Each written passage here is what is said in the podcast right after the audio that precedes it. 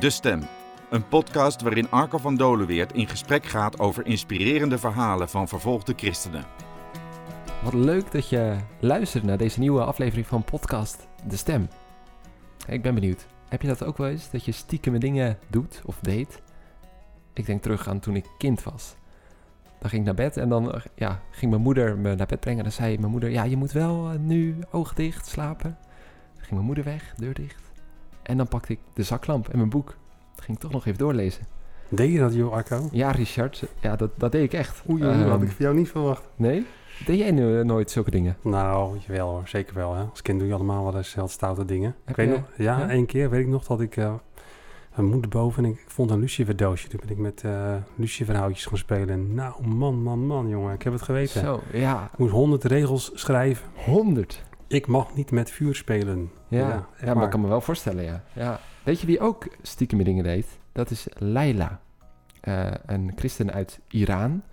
En haar verhaal staat vandaag centraal, want zij is een geheimgelovige. Haar vader, haar broers weten niet dat zij Jezus volgt. Ehm, en ik denk dat ze ook op een stiekeme manier in Turkije terechtgekomen is, eh, Richard. Ja, dat klopt inderdaad. Ja. Ik heb haar eh, gesproken tijdens eh, een conferentie die ik eh, onlangs heb bezocht.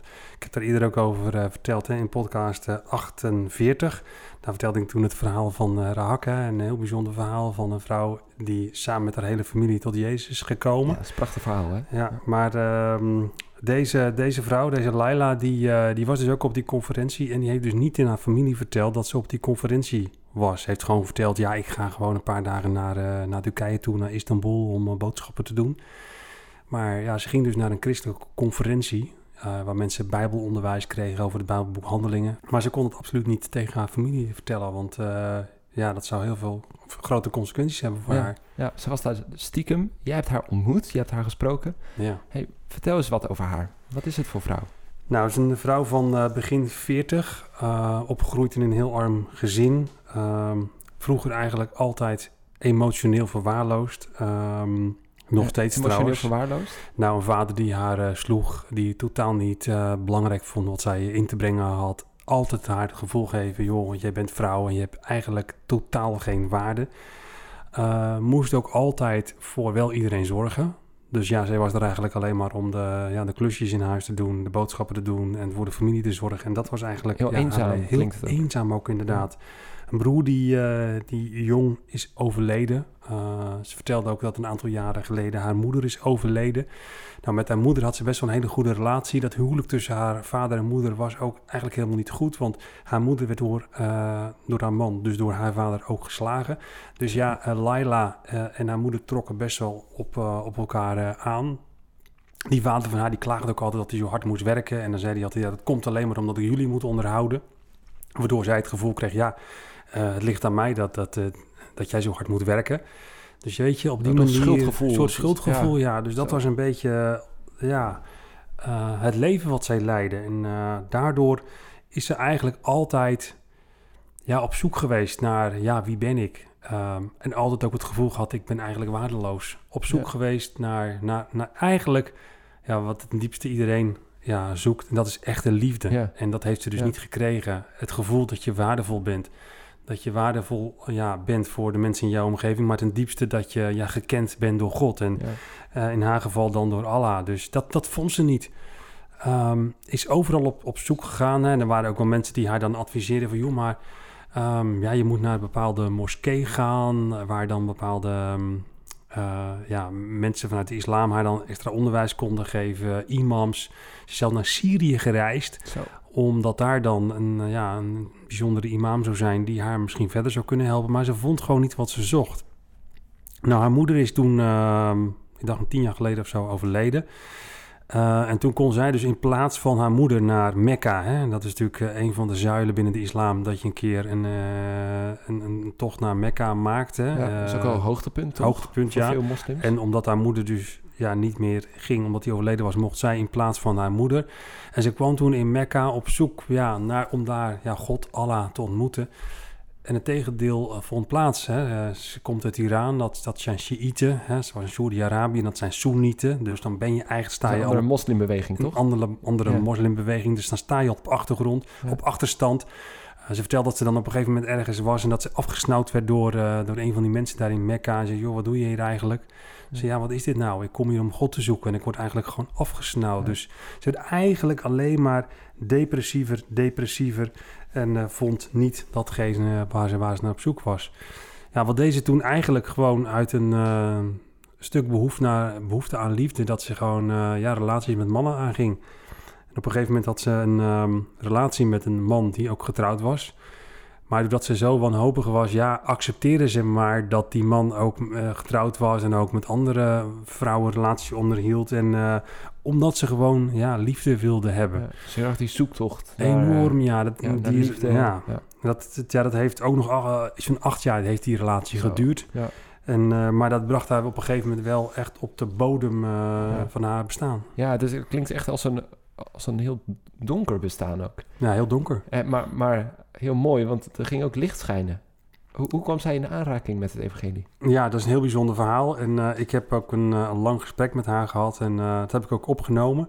En in deze podcast wil ik een paar fragmentjes daarvan laten horen. En ik stel voor dat we nu gaan luisteren naar een, naar een fragmentje waarin ze ja, dus vertelt hoe ze met het evangelie in aanraking is gekomen. خانم و آقایی بودن که هر دوشون ایماندار شده بودن من تا یه هفته حالم Op een bepaald moment stuurde een ver familielid een worship song via de app. اولین چیزی Hij که nodigde me uit om een keer met hem te komen یعنی praten. چهل En ik zei dat ik dat wel wilde. چهل سال Ik had een ontmoeting met het echtpaar dat de worship song naar me gestuurd had. چجوری میشه Ze deelde het evangelie met me. زندگی کرد Het waren jonge gelovigen. Toen ze me over Jezus vertelde, was mijn reactie: Maar ik ben nog 40 jaar moslim. Hoe kan ik mijn geloof veranderen en een nieuw leven beginnen met Jezus? Dat is onmogelijk. Ik ging weer naar huis en die avond ging ik naar bed. Ik zag opeens een duisternis dat me heel erg bang maakte. Ik wist niet wat het was. Ik ervoer sterk demonische geesten in mijn kamer. Ik ging nadenken over mijn leven als moslim 40 jaar lang had ik alle verplichtingen gedaan, maar ik realiseerde me dat het me niets gegeven had. Ik had mezelf opgeofferd voor mensen die niet van me hielden. Ik wilde mensen blij maken en wilde de vrede bewaren, maar dat lukte niet. Het ontbrak me ook aan zelfvertrouwen. Ik voelde me waardeloos.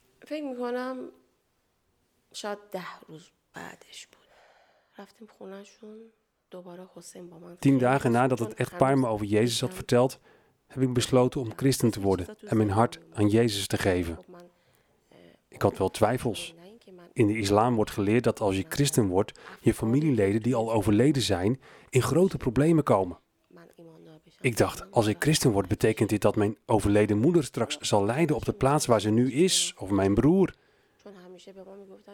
Tien dagen later ging ik naar het echtpaar dat me over Jezus had verteld en ze baden voor redding. En ik opende mijn hart voor Jezus. Ik heb al mijn twijfels losgelaten. Ze vertelde me dat als je christen wordt, je een nieuw leven krijgt. Er is een nieuwe schepping in Christus. Je begint weer helemaal opnieuw. Ik geloofde het. Tegelijkertijd was ik kort na mijn bekering nog wel eens bang dat ik iets verkeerd had gedaan. Maar langzamerhand veranderde dit. Christus was mij aan het transformeren. De angst werd minder en verdween uiteindelijk ook. Jezus heeft mijn leven veranderd. چون چیزی داره کسی از من داره محافظت میکنه یعنی نیروی دور من هست که نمیترسم دیگه از دعا نمیترسم Zo, wat een bijzonder verhaal eh, wat zij vertelt over hoe zij in aanraking komt met het evangelie. En weet je wat mij ook triggert, is die demonische machten die ze beschrijft. Eh, ergens staat het ook een soort van ver van, van mijn bed. Richard, kun je daar iets meer over vertellen? Ja, klopt. Ja, inderdaad. Dat zijn verhalen die we in, eh, ja, hier niet zo kennen. Zeker niet in de kerk. Maar eh, je moet je beseffen dat eh, binnen de islam gewoon echt demonische machten werkzaam zijn. Ik heb daar verschillende mensen gesproken die vanuit de islam christen zijn geworden. En die mij allemaal vertelden echt van fysieke aanvallen van, van de duivel op het moment dat ze christen Fysiek- werden. Ja, lichamelijk dus ook. Ja, ik heb er echt verhalen gehoord van, van één vrouw die dan van plan was om naar een kerk te gaan. Nadat ze van haar broer het evangelie had gehoord. En dat ze ja, midden in de nacht inderdaad zo'nzelfde ervaring had zoals deze vrouw. Maar dat ze ook echt in haar bed, zeg maar, echt fysiek gestompt werd. Dat ze niemand zag, maar dat ze echt wel voelde dat er haar lichaam werd aangeraakt. Dat, dat, dat is echt een realiteit. En ik heb dat ook, uh, andere delen van de wereld kom je dat tegen. We hebben natuurlijk onlangs ook een, een podcast gemaakt met, uh, met Erik Vaders in, in India, die ook vertelt hoe mensen vanuit het Hindoeïsme en het Boeddhisme, als ze christen worden, ook met hele soms heftige manifestaties te maken kunnen krijgen.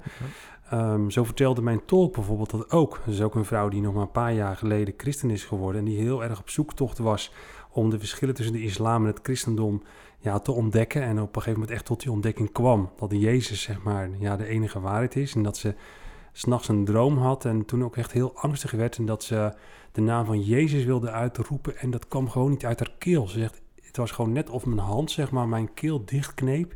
En ik toen echt nauwelijks zeg maar lucht had en ik toen heel hard ging riepen, Jezus. Ja. En op dat moment, zegt ze, was, die, was net of die hand het losgelaten en toen helemaal vrij was. En die angsten en zo waren toen verdwenen. Zo. En dat is natuurlijk wat we ook lezen in de Bijbel. Hè? Toen Jezus ook zelf nog uh, demonen uitwierp. En, uh, en, ja, en op die manier de macht van de boze uh, ook verbroken werd. En ja. ja. dat gebeurt vandaag nog steeds. Maar tegelijkertijd, en dat is het, het, goede nieuws... dat de machtige naam van Jezus nog steeds veel krachtiger is... en dat daarmee ook de boze kan worden ja, kan worden bestreden ja, en ja. zijn macht verbroken. Ja, één naam hè, boven alle namen. Absoluut. Ja, en dat is, nou, wat je zegt, het is heel erg haast alsof die strijd hè, tussen het licht en het duister daar heel erg uh, naar de oppervlakte komt. Hè? Ja, dat klopt. En deze mensen staan natuurlijk op een kruispunt. Hè? Inderdaad, wat je zegt. Ze, leven in de duisternis. Hè? De religie van de islam is duisternis. En, en, ik, ik geloof ook dat dat inderdaad dat dat een Satan is die zich op die manier via zo'n religie manifesteert. En mensen staan dan op het kruispunt om voor het licht te kiezen. En dan is natuurlijk Satan natuurlijk aangelegen om mensen in zijn greep te houden. En hij voelt omdat hij zeg maar zijn terrein verliest. En dan wil hij dat proberen te voorkomen. En daarom gaat hij op dat moment ja, uh, zich laten zien. Het liefde probeert hij natuurlijk zichzelf verborgen te houden. Dus zo weinig van zichzelf te laten zien. Laat mensen maar gewoon ja, in slaap sukkelen. En laat ze maar gewoon denken dat ik er niet ben. Ja, tenzij dus als het ergens over gaat. Als dus het over gaat, precies. over, en maar, ja, en, en dat is misschien ook iets wat, wat we die woorden niet geven. Maar in Nederland is diezelfde strijd er natuurlijk. Hè? Absoluut. Duister en licht. Absoluut, ja. En, uh, en uh, de stap naar uh, het, het volgen van Christus is, is op dezelfde manier in Nederland ook een stap vanuit het duister naar het licht. Een stap waar heel veel aanvechting in zit. Klopt, ja. Um, is ook zo. En dat hoor je vaak ook, dat ook voor mensen daar gewoon dan drempels ervaren. Ja. en ik denk dat dat ook... twijfels. Twijfels, hè, kan ik inderdaad wel in Jezus geloven. Hè. Dat kan op allerlei manieren kan zich dat manifesteren. Maar ik moet eerst nog even wel ja, de stille tijd uh, doen. Ja, en dan? Klopt, uiteindelijk moet ik iets voor God betekenen. Maar ja. het, uiteindelijk zijn het leugens van de boze...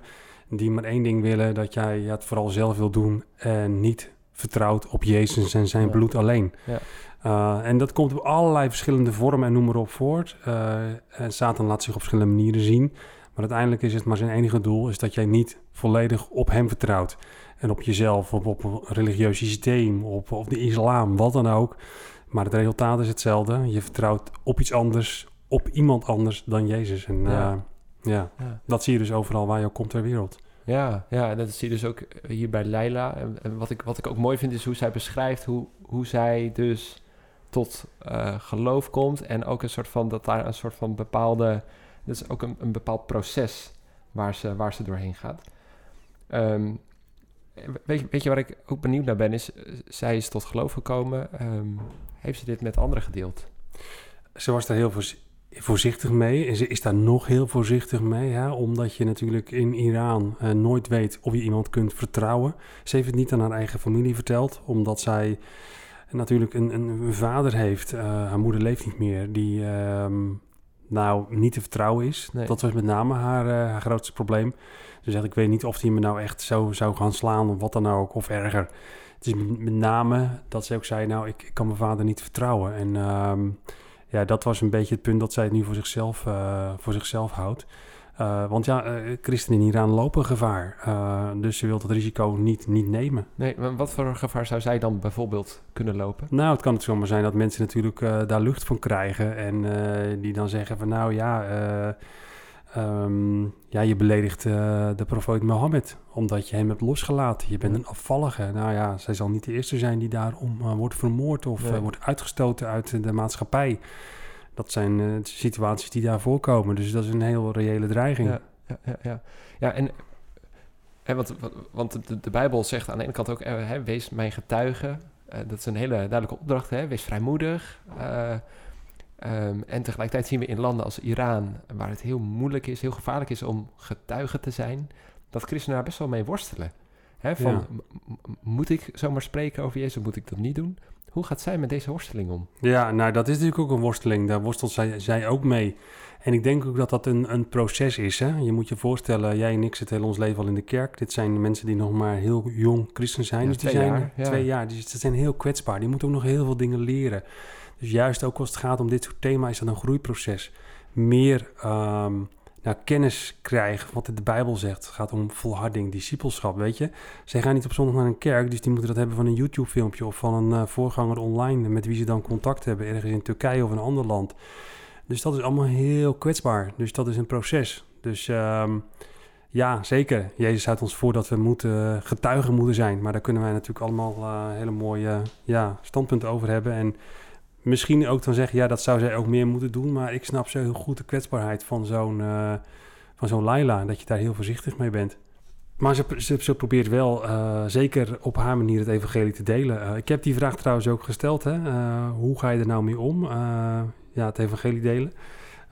in zo'n gevaarlijke context. En laten we even luisteren naar wat zij daar zelf over zegt. و یواشکی میخوندمش باز دوباره برش میداشتم Kort na mijn bekering verstopte ik mijn Bijbel op verschillende plekken, zodat mijn vader en broer mijn Bijbel niet zouden zien. Maar kort geleden heb ik mijn Bijbel ook een keer op mijn bureau laten liggen. Ik ben ervan overtuigd dat ze mijn Bijbel niet zouden openen om te lezen, maar ik ben er niet bang voor als ze de Bijbel wel zouden lezen. Ze hebben de Bijbel ook zeker zien liggen, maar ze hebben er verder niets over gezegd. Het gebeurde ook een keer dat mijn Bijbel op mijn bureau lag en een vriendin op bezoek kwam. Ze pakte de Bijbel en zei: Dat is interessant. En ze begon er vragen over te stellen.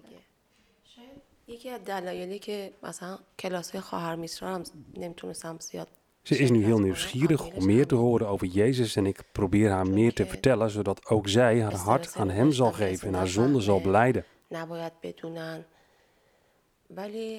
Ik ben bang om mijn familie over Jezus te vertellen, omdat ik bang ben dat ze me zullen dwingen om weer moslim te worden. Ik woon hier mijn hele leven al en ik weet dat mijn familie veel macht heeft. Ze kunnen ook geestelijke macht over mij uitoefenen.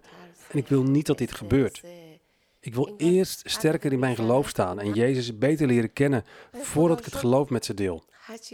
Eigenlijk de belangrijkste reden dat ik het geloof nog niet met ze deel, is omdat ik Jezus niet wil verliezen.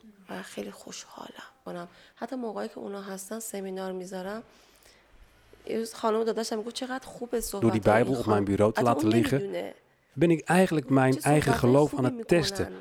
Hoe ver durf ik te gaan? Ik ben nu ruim een jaar christen en ik ben niet meer zo bang als dat ik was aan het begin. Ik heb het evangelie pas met twee mensen gedeeld. Met een nicht en met een getrouwde vriendin.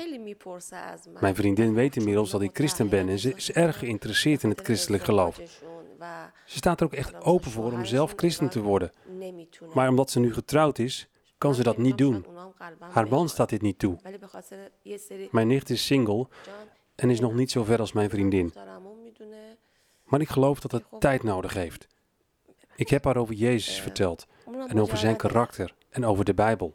باهاش صحبت میکنم ولی هنوز نتونستم اونطوری که میخوام Wat een bijzonder fragment, Richard. Wat, wat, wat raakt jou in dit fragment? Nou, meerdere dingen. Maar ik denk dat het meeste wat mij wel raakt is... Uh, maar toch wel de kwetsbaarheid van dit verhaal. Dat ze ook op een gegeven moment zegt... Ja, de belangrijkste reden dat ik niet met mijn vader hierover spreek... is dat ik bang ben dat mijn geloof nog niet sterk genoeg is. Omdat ze weet hoe sterk die, die macht is hè, van zo'n familie. Hmm op het moment dat zij zou gaan vertellen dat ze christen is geworden, dat ze dan zo'n macht op haar gaan uitoefenen om te zeggen, ja, je moet toch weer terugkomen naar de islam en dat ze dan daar misschien mogelijk voor zou kunnen zwichten. Dat ze bang is dat haar geloof nog niet sterk genoeg is en dat ze verder moet groeien. En dat ze zegt, nou, misschien als ik een paar jaar verder ben of een tijdje verder dat ik het wel zou kunnen. Dat, ja, dat raakt me wel. Dat ze bang is om Jezus kwijt te raken. Zeg, ja, ik wil Jezus niet kwijt te raken. En daarom vertel ik het niet. Dat zegt iets over de liefde die ze Ja, heeft voor Jezus. De, de- ja, precies de liefde en de tederheid Ja. van wat Jezus gedaan heeft. Zeg je, ja, straks raak ik hem kwijt, maar ik wil hem niet kwijt. Nee, nee niet, Ja. niet bang voor fysieke dingen of wat dan ook. Nee, klopt. maar Vond ik echt bijzonder. Ja, ja. Ja, en, en, en wat... Ik, ik hoor ook wel een stukje in wat ze vertelt... dat ze steeds minder bang en eigenlijk steeds minder stiekem is. Ja, Hè? Dat ze die Bijbel zo laat liggen. Ja, ja. Per ongeluk. En daarna laat ze het een soort van gebeuren. klopt. Steeds verder gaat ze elke keer stapje bij stapje om eh, toch vrijmoediger te worden. Dus er zit Ja. echt een, een, een proces in. Ja, Uh, dus het is niet een situatie van dat ze zich daarbij neerlegt. Ze wil het wel, alleen ze zoekt telkens naar mogelijkheden en haar eigen grenzen te verleggen. En dat, dat, dat sprak me ook wel erg aan Ja. in dit eh, fragment. ja dus, tenminste, ik vind dat zelf wel een uitdaging. Van eh, hoe kun je... ehm, want als ik even, nog even terug op wat jij deelt... Hè, over wat, wat zij zegt... Dat ze, dat ze bang is om Jezus te verliezen. Ik denk, oh ja, maar als ik eh, niet getuig... dan is dat, heeft bij mij veel vaker te maken met de andere angst.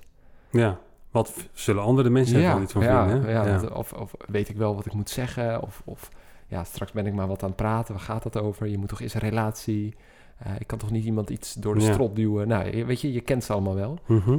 Alle redenen om maar niet over hem te, te beginnen. Terwijl zij helemaal aan de andere kant begint. Van, hey, hoe, hoe kan ik steeds een stapje verder... Hoe kan ik steeds meer laten zien van hem? En dat begint door een Bijbel neer te leggen. Ja. Dat dus, dus hij haast, wat zou onze stap kunnen zijn? Hè?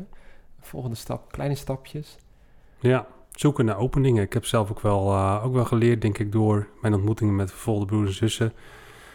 ehm, dat je ook mag bidden voor openingen. En dat de Heilige Geest het ook gebruikt. Dus als je morgens uit je bed komt, ja, Heere God, wilt u vandaag iemand op mijn pad brengen met wie ik het evangelie kan delen? En als je dat echt doet, dan, dan gaat God ook ehm, ja, ontmoetingen gewoon creëren. Ontmoet Ja? je soms mensen? Zeker, ja. Heb je, heb, je, heb je een voorbeeld? Ja, zeker. Ik heb dat ook wel eens een keer gehad eh, met iemand dan bijvoorbeeld die eh, bij ons in huis kwam klussen of zo, weet je wel, eh, voor de keuken. En dan, ehm, nou ja, ik had hem toen ge- gebeld en begon toen opeens de naam van Jezus te misbruiken. En toen Mhm. ik ook tegen hem zei van, joh, nou volgens mij gaat het je dan niet erg helpen. Maar misschien dat Jezus het probleem kan oplossen, weet je wel. Nou, toen Ja. schrok hij al een beetje van, oh, ja, sorry, dat is mijn stopwoord, hè, Jezus.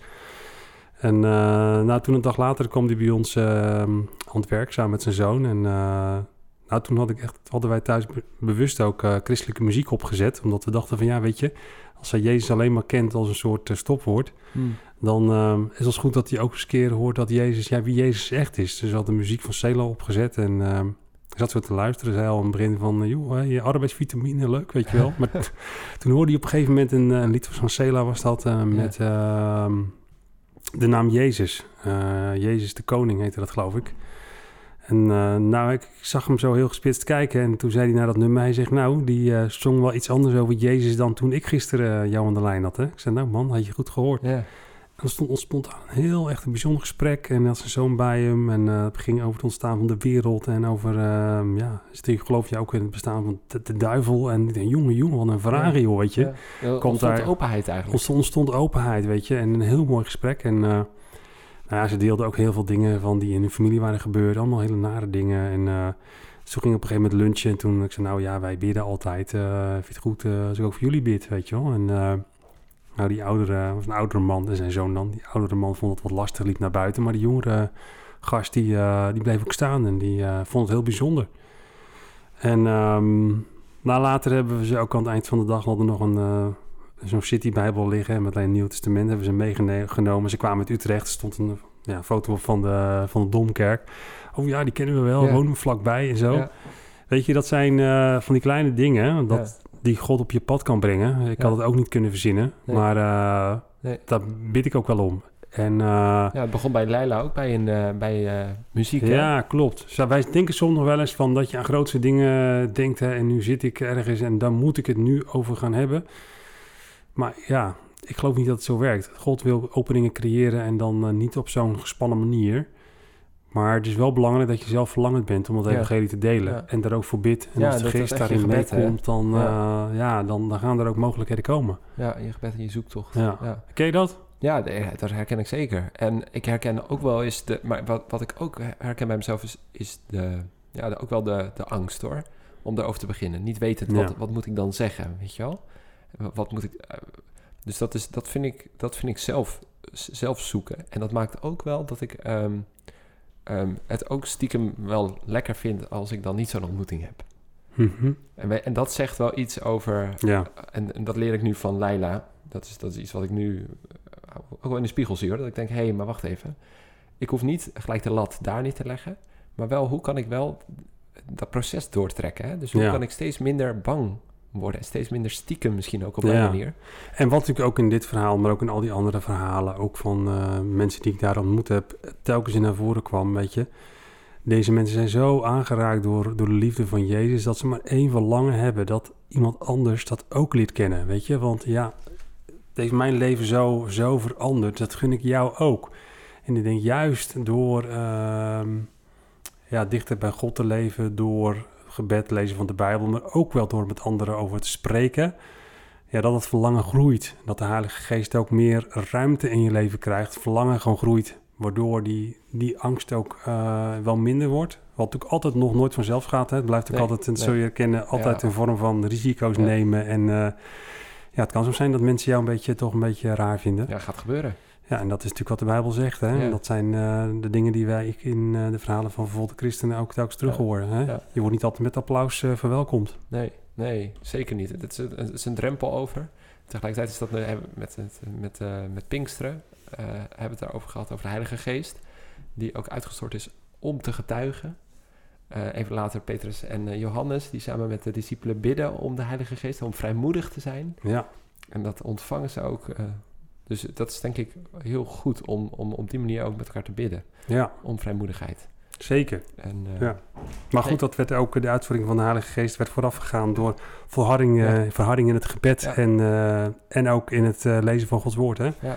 Dus die twee dingen die zijn wel ook heel belangrijk om daarin te groeien, denk ik. Ja, ja en daar te focussen. Ja. Hey, Leila die is tot geloof gekomen. Um, in hoeverre heeft dat haar leven eigenlijk veranderd? ja, die, die, dat leven is behoorlijk veranderd. Uh, maar misschien kan ze dat zelf beter uh, vertellen. Ook dat heb ik namelijk aan haar gevraagd. En uh, stel voor dat we nog even naar een fragmentje gaan luisteren. تنهایی که قبلا داشتم تنهایی بود وقتی بهش فکر میکنم چهل سال صدا چهل سال میگیم 20 سال Feitelijk is mijn leven niet veranderd. Maar ik voel me niet eenzaam meer. Jezus is altijd bij me. Hij laat zijn aanwezigheid zien in alle aspecten van mijn leven. Als ik in de taxi zit, merk ik dat hij bij me in de auto zit. Als ik slaap of als ik aan het bidden ben, ervaar ik dat hij er is. Ik heb dan misschien wel weinig mensen om me heen in mijn leven, maar dat wil niet zeggen dat ik eenzaam ben. Hij leidt mijn leven op verschillende manieren. Taxichauffeur zijn als vrouw is in Iran erg ongebruikelijk. Het is ook een moeilijke baan voor een vrouw. Mannen kunnen slecht met je omgaan en oneerbare voorstellen doen. Ze respecteren geen persoonlijke grenzen.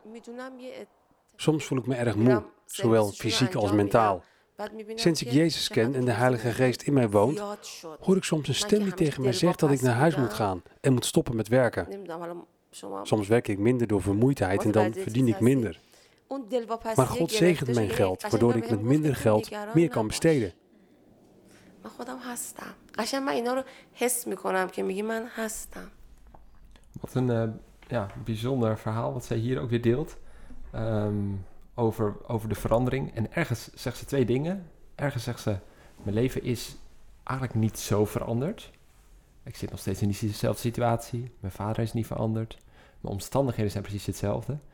Maar ik hoor haar eigenlijk ook zeggen dat wat ik zocht, relatie, dat heb ik nu gevonden. Ja, klopt. Uh, ze heeft nu Jezus in haar leven. En dat is een, een realiteit in haar leven geworden. Waardoor ze zegt, ja, ik, als ik nu alleen in mijn slaapkamer ben, dan ben ik niet meer alleen. Want Jezus is in mij door de aanwezigheid ja. van de Heilige Geest. En dat is wel een cruciaal verschil. Ze heeft nu vrede. En uh, ja, wat ze ook zei van, ja, weet je, als ik nu um, God wil ontmoeten, hoef ik mijn huis niet uit. Hè, ik hoef niet naar een of andere plek te gaan. Waar Lekker. ik hem trouwens niet eens vond. Hè. Ja. Uh, en nu is hij gewoon altijd bij me. En, ja. Ja, dat is, een, uh, dat is het geheim van het geloof. Van een God die uh, niet voorkomt dat jij in de problemen komt. Hè? Uh, dat weten we allemaal. Maar dat hij wel in de misère en in de pijn gewoon naast je wil staan en bij je wil zijn. Dat is precies wat Laila zegt. Ja, wat mooi joh. Hey, wat, wat doen wij als SDK eigenlijk voor christenen zoals Leila? Nou, heel concreet het faciliteren of in ieder geval het financieren van, de, van dit soort conferenties. Um, zodat uh, mensen uit Iran, broeders en zussen uit Iran, dit soort conferenties kunnen bezoeken. Uh, we ondersteunen um, ook een aantal gezinnen, Iraanse gezinnen, die vanuit Turkije dit soort conferenties organiseren. Dus ervoor zorgen dat christenen uit Iran naar Turkije komen om dit soort conferenties te kunnen, te kunnen bezoeken. Uh, is enorm belangrijk. Hè? Wat ook het doel is van deze partnerorganisatie om ja, de nieuwe gelovigen te onderwijzen. Zodat ze ook anderen zullen onderwijzen. Hè? Ja. 2 Timotheus uh, 2 vers 2. Ik uh, onderwijs u wat u anderen zult onderwijzen. Um, en dat is wat gebeurt. En daardoor zie je ook dat het evangelie zich zo snel verspreidt in Iran als Iran. En mensen hebben onderwijs gekregen, delen dat met anderen en het gaat als een olievlekwerking verder. Ja, ja, dus het is echt een stukje geestelijk, uh, geestelijke toerusting. Precies. Maar ook een stukje gemeenschap, hè? Want Leila, gaat zij naar de kerk, een ondergrondse kerk? Of? Ja, heel af en toe komt ze daar, maar heel weinig, omdat zij eigenlijk niet weg kan. Omdat ja, haar vader en de broer dat meteen in de gaten hebben. Mm. Uh, op het moment dat ze vrij is, is er vaak ook bezoek. En zij is dan degene die natuurlijk dan uh, voor uh, de koffie moet zorgen. Of de thee. Hè? En het is natuurlijk een cultuur waarin je dan ook als vrouw natuurlijk altijd de eerste bent die aan zet is. Dus voor haar is het heel moeilijk om weg te, weg te komen. Dus heel af en toe komt ze daar dan wel eens, maar dat is heel moeilijk. Dus dit soort conferenties zijn zo ongelooflijk belangrijk, omdat je dan in een, uh, ja, in een, op een plek bent met uh, nog 30 andere Iraanse gelovigen. Het, het evangelie met elkaar kunt delen, kunt beleven. En dat is ontzettend belangrijk. Ja, ja. Hey, en, en, wat kunnen we nou bidden voor Leila? Wat... Nou, ik denk wel uh, groei. Groei in het geloof is allemaal heel kwetsbaar, hè? wat ze zelf ook net al aangaf. Dat ze wel merkt dat ze erin groeit, wel wat groeit, maar dat dat kwetsbaar is. Hè? In een vijandige omgeving, in een huis waar zomaar dingen kunnen gebeuren. Uh, ja, ook als het gaat om uh, bedreigingen, geestelijke bedreigingen, maar ook fysieke bedreigingen. Dat vraagt om volharding, maar uh, ook wel groei in het geloof. Dat ze echt stevig in haar schoenen komt te staan, dat ze daarin volhardt ook. Hè? Want uh, ja, je hebt heel weinig mensen in je omgeving om dat geloof te delen. Dus ja, je bent best op jezelf aangewezen. Je hebt zo'n conferentie gehad en dan ga je weer uh, helemaal uh, geestelijk vol terug. Maar daarna sta je er wel weer alleen voor en dat, dat vraagt ook wel uh, heel veel. Ja, ja. Ja, nou dank je, dankjewel Richard voor dit gebedspunt. En dankjewel voor dit verhaal wat je met ons deelde. Wat, er zit zoveel in waar we over door kunnen praten. Zeker, ja. En heel bijzonder. Um, wil je meer horen over deze reis van Richard? Nou, hij heeft ook een ander verhaal gedeeld eerder in deze podcast. Dat is aflevering 48. Uh, je kunt ook in de show notes kijken, daar zetten we even een link. Dan kun je deze aflevering ook bekijken. Um, wil je nou iets voor Laila doen? Dat kan. En onze oproep is: bid voor haar. Bid voor haar en andere gelovigen. Ik las pas in 2 Korinthe 1. En dan heeft Paulus het over gebed als een, als een hulpbron, als een manier om anderen tot hulp te zijn.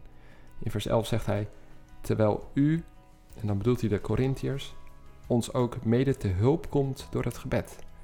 Nou, laten we op deze manier ook tot hulp zijn, steun van christenen in Iran, bijvoorbeeld Leila, uh, Rahak, het andere verhaal wat je deelde, en onze andere broers en zussen. Nou, tot zover aflevering 51 alweer van podcast De Stem. De komende weken ja, staat de zomer voor de deur. We hopen mooi weer. Velen van ons gaan met vakantie en daarom hebben we een speciaal zomerprogramma. Richard, hoe ziet dat zomerprogramma eruit? Nou, we, wijken iets af van het gewoon normale uh, ja, uh, programma. Dat we gesprek hebben met mensen. We hebben een aantal uh, mooie columns. Hè? Jij hebt er ook een aantal van ingesproken. Prikkelende columns waarin we um, ja, iets delen van ontmoetingen met vervolgde christenen. Die wij zelf hebben ontmoet. En delen daar ook de lessen in. Dus een keer geen langer gesprek. Maar uh, wat kortere ja, bijdragen waarin we verhalen delen en uh, ook de lessen proberen over te dragen. Ja, dus een soort van inspirerende snack voor tijdens ja, het warme weer. Zeker. Ik verwijs je dus graag naar deze uh, columns. Die komen in deze podcast. En dan hopen we je na de zomer weer te zien. Ja, tot, tot ziens hè. De volgende keer.